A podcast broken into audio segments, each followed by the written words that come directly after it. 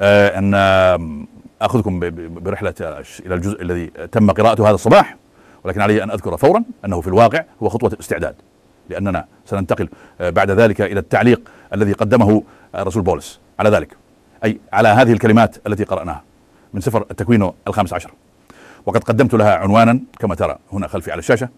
الله يبرر الأشرار وقد أضفت علامة تعجب سمينة. آه، لأن هذا أمر مهم. يا آه، واعترف مباشرة أيضا أنها تصريح غاية في التطرف. الصالح يبرر الأشرار الذين يبررونهم الله. في إعلان هذا الاجتماع كتبت نعم وأنا هناك تدريجيا مع مرور الوقت وأيضا في التحضير لهذا الاجتماع. طرحت أيضا مرة أخرى أمام الحقائق. على مر الزمن تمت العديد من المحاولات للتشكيك في هذه الحقيقة أو تجاوزها ولكنها لم تنجح. إنها كلها محاولات لفعل الأمر وهذا هو الختام بالفعل. إنها محاولات لتجريد الإنجيل من قلبها جوهرها. حسنا دعونا نتجه اولا إلى سفر التكوين الخامس عشر ثم أرتبط بالآية الخامسة من الوضع. حسنا تم قراءتها للتو. إبراهيم الذي يجب عليه التحقق لقد وصل إلى سن متقدمة بالفعل. ولكن ماذا؟ إنها مفهومة نسبيا بالطبع لأن نفس الرجل بلغ 175 عاما. ومتى يكون الإنسان في سن متقدمة؟ ولكن جيدا حتى في السياق الكتابي كان بالفعل قد وصل إلى سن متقدمة وكانت الحالة أنه لا يزال بدون أطفال. إنها قصة معروفة ليس من الضروري أن أوضح ذلك. وفي نفس الرومان الرابع الذي سنتجه إليه لاحقا سنرى أنهما كانا وهكذا يطلق عليه قد توفيا. وهذا يعني أنهما لم يكونا قادرين على إنجاب حياة أخرى. سارة على الأقل لم تكن قادرة على ذلك لأنها كانت عاقر علاوة على ذلك لم تذهب إليها بعد كما يقال بحكمة النساء. وهذه طريقة لطيفة للتعبير عن الأمور ولكننا نفهم ما يقصد به. ونحن سنقول بمعنى الخصوبة أنها كانت قد تجاوزت تلك الفترة. ولكن هذا يبدو أيضا قليلا. فضا. ولكن على أي حال. ومن إبراهيم نقرأ وهذا في وقت أخير قليلا أن أبرام أيضا قد توفي ولذلك لم يكن قادرا على إنجاب أطفال. كانت هذه الحالة. لم يكونوا لديهم أطفال كانوا ينتظرون اطفال والآن يحدد أبرام أن هذا يعني أن الإرث سيذهب إلى خادمه يجب عليكم أن تدركوا أن أبرام كان رجلا ثريا جدا وسيذهب هذا الثراء إلى الدمشقي الي عازر وبعد ذلك تم تصحيح إبراهيم من قبل الله. بالفعل. يمكن أن يعلم لأن الوعد قد تم إعطاؤه له من قبل. ثم تقرأ أن الله قال له سأخرج إلى الخارج مرة أخرى. وأقرأ لكم. أخرجه هو إبراهيم إلى الخارج وقال ويجب أن تتخيل إبراهيم الذي عاش في بئر السبع في الصحراء. نقول نحن. أو هل كانت الصحراء آنذاك كما هي اليوم؟ هذا لا يزال سؤالا. ولكن على أي حال هناك. إذا نظرت بعد ذلك لأعلى في الليل سترى شيئا حقيقيا. هناك لديك رؤية رائعة لسماء النجوم. ثم يقول الله له انظر إلى السماء. وعد النجوم. إذا كنت قادرا على ذلك بالطبع. وبعد ذلك تأتي الوعد الفعلي. لأن هذه هي المقدمة للمقارنة. وقال له هو الله سيكون نسلك هذا هو نسلك. وكان قد قيل بالفعل على الرغم من أنه ليس فقط مثل نجوم السماء ولكن أيضا مثل رمل شاطئ البحر الذي لا يمكن حسابه. هكذا سيكون نسلك. لن يذهب الإرث إلى الخادم إليعازر الذي تحدث عنه إبراهيم للتو. لا الإرث سيذهب إلى ابن حقيقي. وعلاوة على ذلك هذا هو جذع الأمم الكثيرة. وفي تلك الفترة لم يكن هناك بعد ذلك حديث عن الابن الموعود. ولكن حينها كان يسمى ويحمل اسم إبراهيم من الله. حصل إبراهيم على حرف اتش في اسمه. وهناك الكثير يمكن قوله عن ذلك لكن الأهم هو أنه بفضل ذلك أطلق عليه لقب أب أمم كثيرة. وهذا يبدو ساخرا تقريبا يمكنك القول. أو يبدو تقريبا كالسخرية لقول ذلك لرجل بلا أطفال. أنت أب لأمم كثيرة ولكن هكذا كان يسمى في العائلة. أب لأمم كثيرة. تعال تناول الطعام. هكذا كان يبدو إذا كانت سارة تناديه إنه يبدو كمزحة مريرة. نعم ولكن من يضحك آخر يضحك أفضل. ولذلك كان الطفل الذي ولد في النهاية الذي سميناه إسحاق وهذا يعني الضحك. نعم وهذا هو الجميل عندما نعم يمكنني القول ذلك. أيضا عندما تعرف وعد الله إذا كان لديك فعلا سبب للضحك. والله يضحك حقا على جميع القيود التي لدى الإنسان. بالنسبة لله لا شيء مستحيل. سيكون نسلك هكذا. انتبه هذه ليست امرا يجب القيام به. إبراهيم لا يحصل على أمر بأن يكون ابا يبدو لي ذلك واضحا جدا.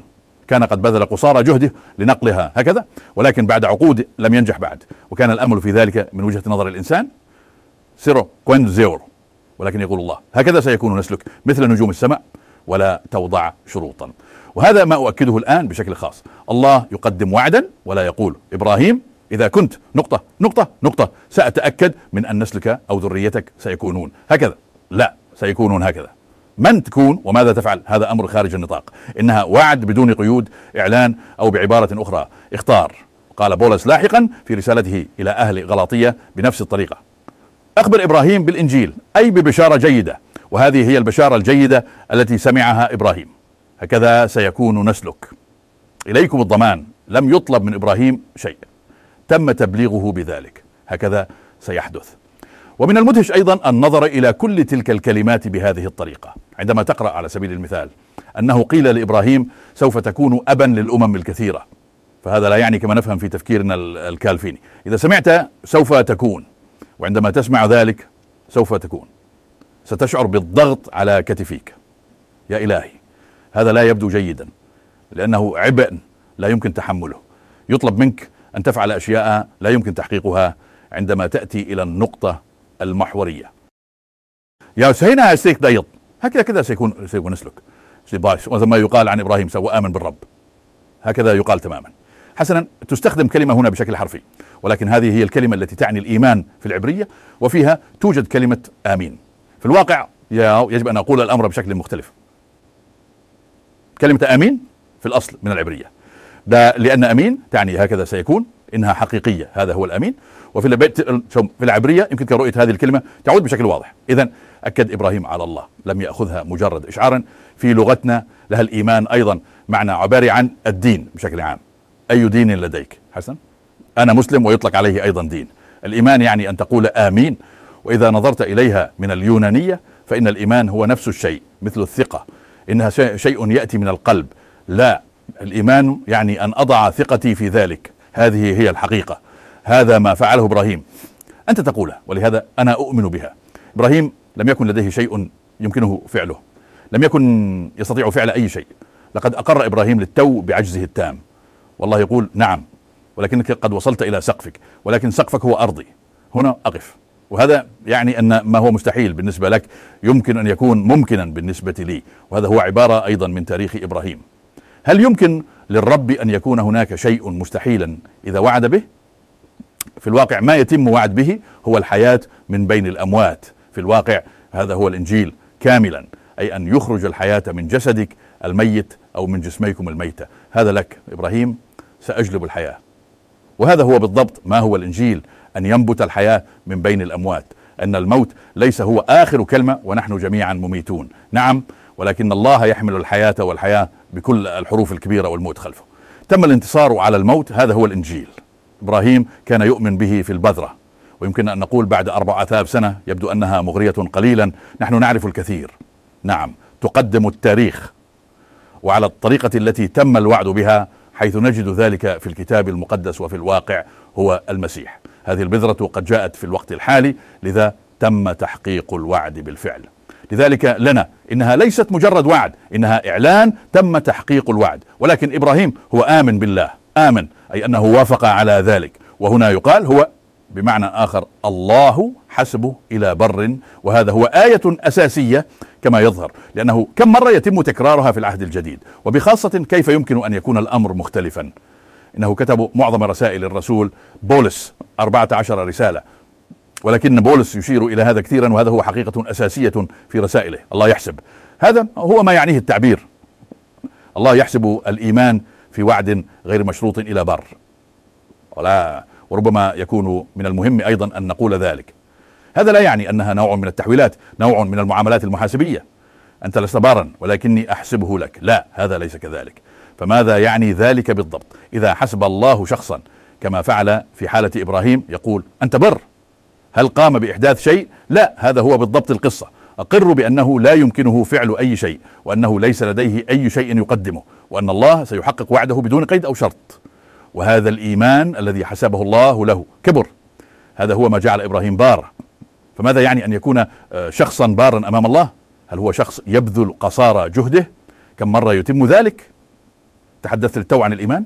وكيف أن هذا المصطلح في لغتنا يكون في كثير من الأحيان مجرد مرادف لاتباع ديانة. سيسمع ذلك بلا شك في العديد من المنابر اليوم. يقولون لك ابذل قصارى جهدك أو ثقل يوضع على كاهلك. وعندئذ يكون منعشا حقا أن نسمع بالفعل بشرا جيدة. عن ما يقوم به الله ليس عمل إنسان بل عمل الله فقط. ثم يبدأ في النظر إلى الأعلى مثل إبراهيم لأنه نعم إذا لم يكن لديك توقعات من نفسك ولا من الناس من حولك حسنا. إلى أين يمكن أن تنظر؟ أرفع عيني إلى الجبال. من أين يأتي عوني؟ ليس سؤالا بل إشارة إلى اليقين. مساعدتي تأتي من الجبال مساعدتي تأتي من الأعلى من حيث آتي. الله حسبه إليه برا. وهذا يعني أن إبراهيم هو بر أمام الله. لماذا؟ لأنه يعتمد تماما على ما يعد به الله. هذا هو الأمر. إذا رومية الرابع هي فصل. قد قام بولس بتفصيله وشرحه. وهناك نتوجه من الآية الثانية. يقول بولس هنا لو كان إبراهيم قد تبرر بالأعمال فله شيء ليفتخر به ولكن ليس أمام الله. نعم لماذا؟ لأنه إذا كانت الأعمال هي التي قام بها إبراهيم إذا كان يمكن له أن يقول حسنا لقد قمت بذلك وهو محفوظ لدي. بغض النظر عن طبيعة تلك الأعمال الفكرة في الأعمال هي أنها إنجاز يمكن للإنسان أن ينسبه إلى نفسه إنها تستحق وبالتالي يمكنك القول لقد حصلت عليها من خلال العمل من أجلها. إذا كان إبراهيم قد تبرر بالأعمال فله شيء يفتخر به. بالطبع يمكن له أن يتفاخر لكن ليس أمام الله. وهذا يعني أن الشرف لا يكون لله. لا لأنه حينئذ سيكون قد فعل شيئا بنفسه. يشرح بولس هذه الأمور. أنا أفعلها صباح اليوم أيضا. جوهر القصة بأكملها بسيط جدا. يمكن للطفل فهمه فعليا. لذلك من المدهش أن يتم تشويه هذه الحقيقة في تاريخ الكنيسة. كيف تحول البعض الإيمان إلى عمل من خلال باب خلفي؟ فكما تعلمون الحقيقة المركزية للإصلاح هي بالإيمان وحده. نعم هذا صحيح. ولكن عندما يحول البعض الإيمان إلى عمل كأنني قد آمنت هذا هو إنجازي. أتحدث الآن عن الطراز الإنجلي يقول البعض. اخترت يسوع. الفكرة هنا هي أن الإنسان قام بفعل شيء مرة أخرى وها هو لديك مدح. أو يقول البعض الله فعل كل شيء كل ما عليك هو أن تقبله فقط. في المصطلح الكنسي الرسمي يطلق عليه عرض النعمة. هذا يعني إلى أي حد تكون النعمة عرضا ولمن يقدم؟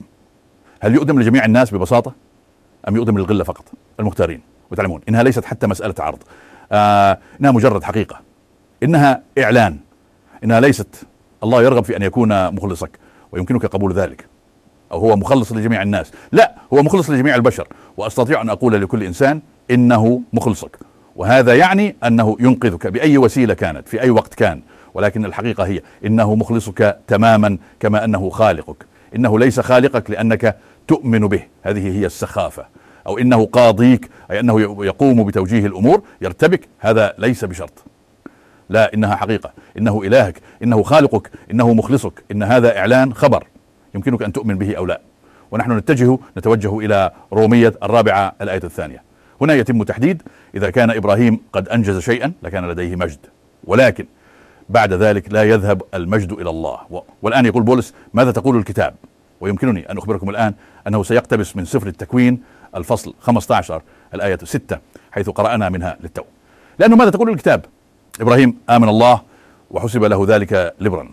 يقتبس بولس الآن من الكتاب المقدس العبري ونحن نقف في نفس المدى الزمني تقريبا الذي كان فيه بولس مثلما كان بين إبراهيم وبولس. وهذا يعني أنه قد مر ألفين عام بين إبراهيم وبولس وبين بولس ونحن أيضا مرت حوالي ألفين في عام. لذلك مضى ربع ألف عاما. الآن الحقيقة المركزية. لماذا كان إبراهيم الآن رجل بارا لدى الله؟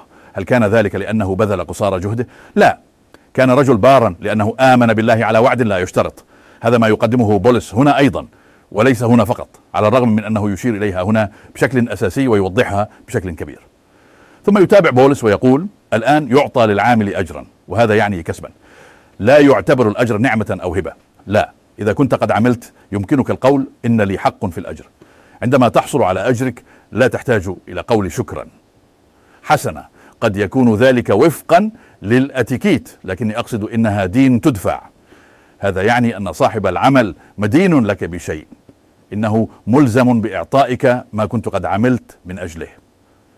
هكذا يسير الأمر مع العمل.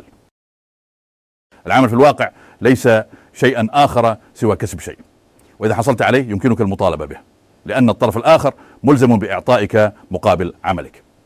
هكذا يسير الأمر مع العمل. رومية الرابعة الآية الخامسة هذا هو النص المركز. يقول بولس للذي لا يعمل ولكن يضع إيمانه في الذي يبرر الفاجر هذا هو البار عند الله.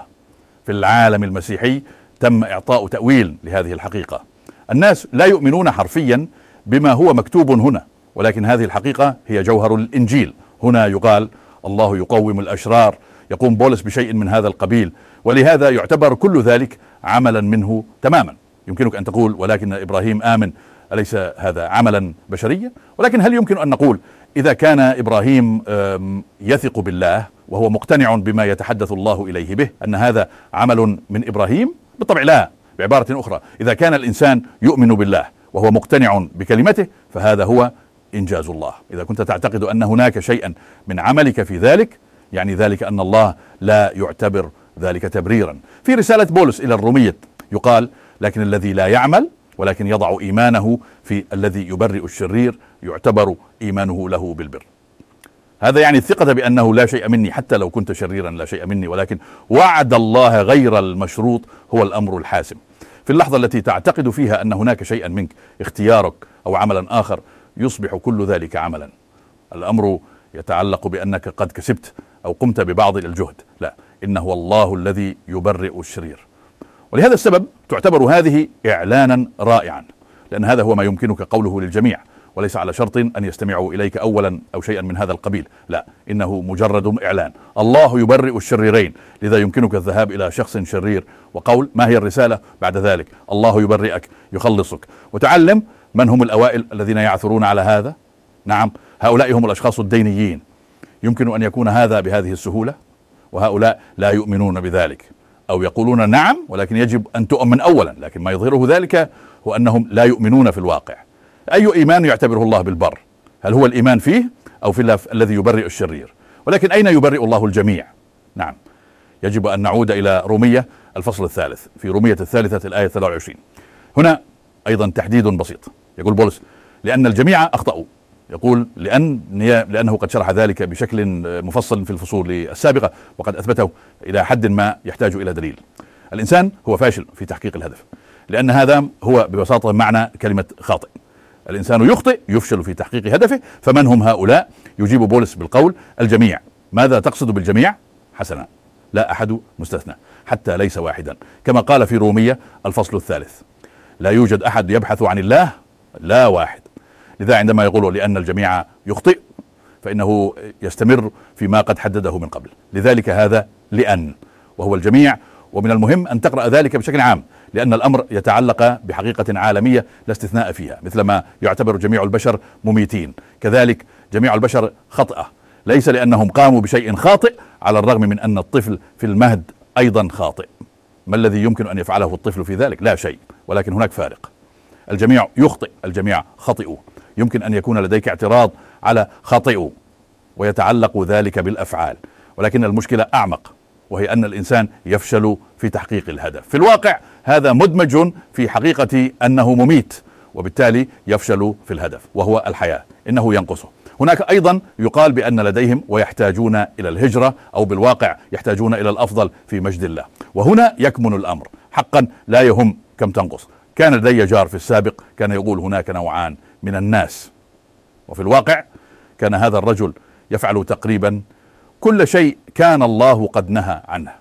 لذلك كان يعرف ما يتحدث عنه. هناك نوعان من الناس. هناك أشخاص سيئون وهناك أشخاص سيئون جدا. ولكن كل إنسان ينقصه. كل إنسان لديه نقص. سواء كنت قد فشلت بدرجة واحدة أو بعدد كبير من الدرجات في امتحان الفشل هو الفشل. وهناك العديد من من الأمثلة على ذلك. ولكن كل إنسان ينقصه. الجميع أخطأ الجميع ينقصهم من مجد الله. فمن هم هؤلاء؟ نفسهم الجميع. هؤلاء يشير إلى جميع البشر. يقومون بالتبرع بالبر بحرية في نعمة الله من خلال الفداء الذي في المسيح يسوع. اقرأ بعناية ما هنا. الجميع أخطأ الجميع ينقصهم من مجد الله ويتبرعون بالبر بحرية. لذلك بدون أي شروط أو مقابل بدون أي شروط بدون أي جهد بدون أي مساهمة يبررون مجرد عدم الشروط بالتالي. ليس تقريبا مجانا. لأن هذا مثل تقريبا نجح أو تقريبا حامل. لأن تقريبا مجانا كما يقال غالبا وعادة هو ليس مجانا. لا يجب أن أقدم شيئا تقريبيا لكن هذا ليس مجانا. كيف هو الأمر بالضبط؟ يتم تبرير الجميع مجانا. نفس الجميع الذين أخطأوا والذين يعانون من نقص في مجد الله. ببساطة كل البشر لا أحد مستثنى. يتم تبريرهم مجانا. كيف بالضبط؟ نعم مجانا. وإذا لم تكن قد فهمت ذلك حتى الآن يتم التأكيد على ذلك في النعمة الواردة منه. ويتم تبرير الجميع مجانا في نعمة الله من خلال الفداء الذي في المسيح يسوع. ونحن نؤمن بهذا وبالتالي نقول آمين. ماذا يقول في رومية الفصل الخامس؟ إذا قرأتها باليونانية فهي في الواقع نوعا من أسلوب البرقية.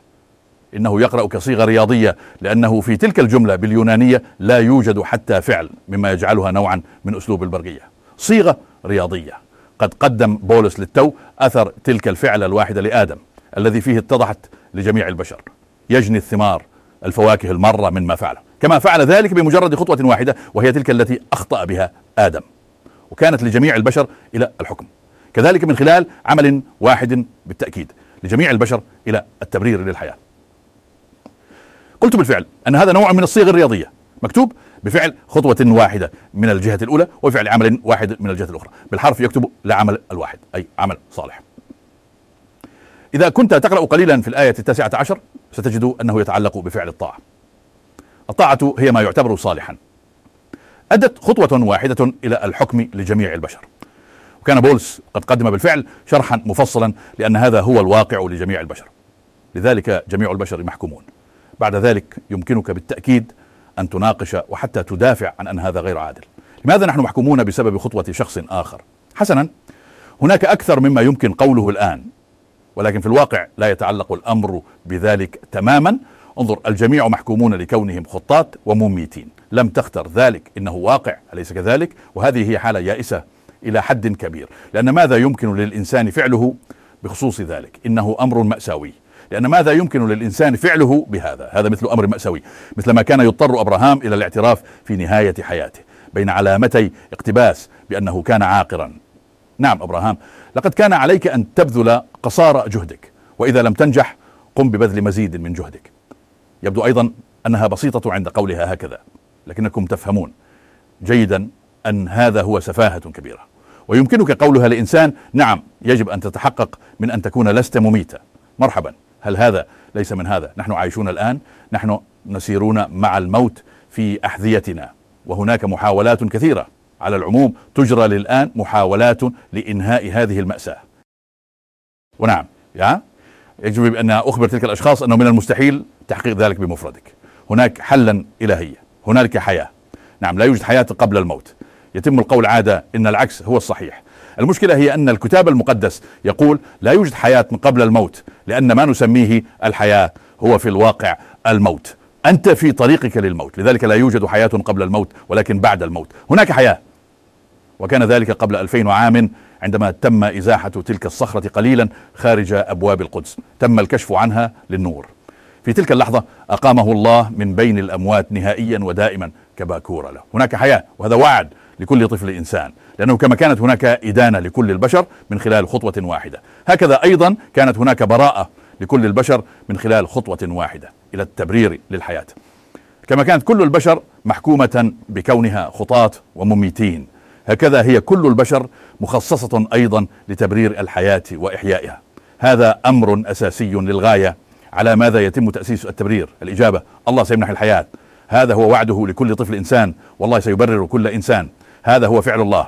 وبالتالي أيضا جدارته وبالتالي أيضا وأنا سأنهي هنا في وعد كورنثوس واحد لأن هذا هو الأمر الذي يتعلق بكل شيء في النهاية الختام الكبير حيث يقول بولس هذا. ولكن من خلاله وهو في هذا السياق يعني الله أنتم في المسيح يسوع.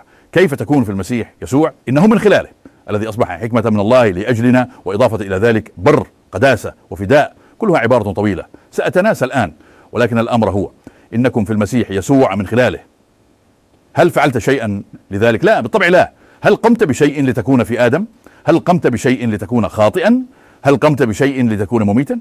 لا هذا هو وضعنا كبشر هكذا هو وضعنا في المسيح حيث يكون هو حكمة الحياة والبر والقداسة والفداء لأجلنا.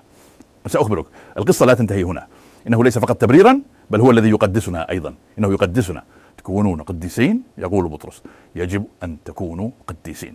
هل تعرف متى يحدث ذلك؟ في اللحظة التي يقول فيها الإنسان لا أستطيع أنت تقدسني. أها. لا شيء من الإنسان حتى يكون كما هو مكتوب. يقتبس بولس مرة أخرى شيئا من العهد القديم الذي يفخر فليفخر في الرب. هذا يعني إذا كان هناك شيء يستحق الفخر فهو كله لله. وإذا أردت أن تمنحه كل الشرف دع الله يفعل كل شيء. وقال إبراهيم آمين. ونحن نقول آمين. مسرني أنك استمعت. كانت هذه دراسة من مؤسسة جود بريخت الهولندية حيث يكمن الاهتمام في إنجيل الرسول بولس ويتم استخدام النص اليوناني الأصلي قدر الإمكان بدلا من الترجمة الإنجليزية العادية. هل ترغب في معرفة المزيد عن إنجيل بولس؟ يمكنك ذلك عبر www.goedbericht.nl يمكن ترجمة الموقع الهولندي تلقائيا إلى لغتك المفضلة باستخدام إضافة اللغة عبر متصفح كروم أو Firefox تم تقديم هذه الدراسة الكتابية باللغة الهولندية أصلا وتم ترجمتها إلى لغتك باستخدام الذكاء الاصطناعي.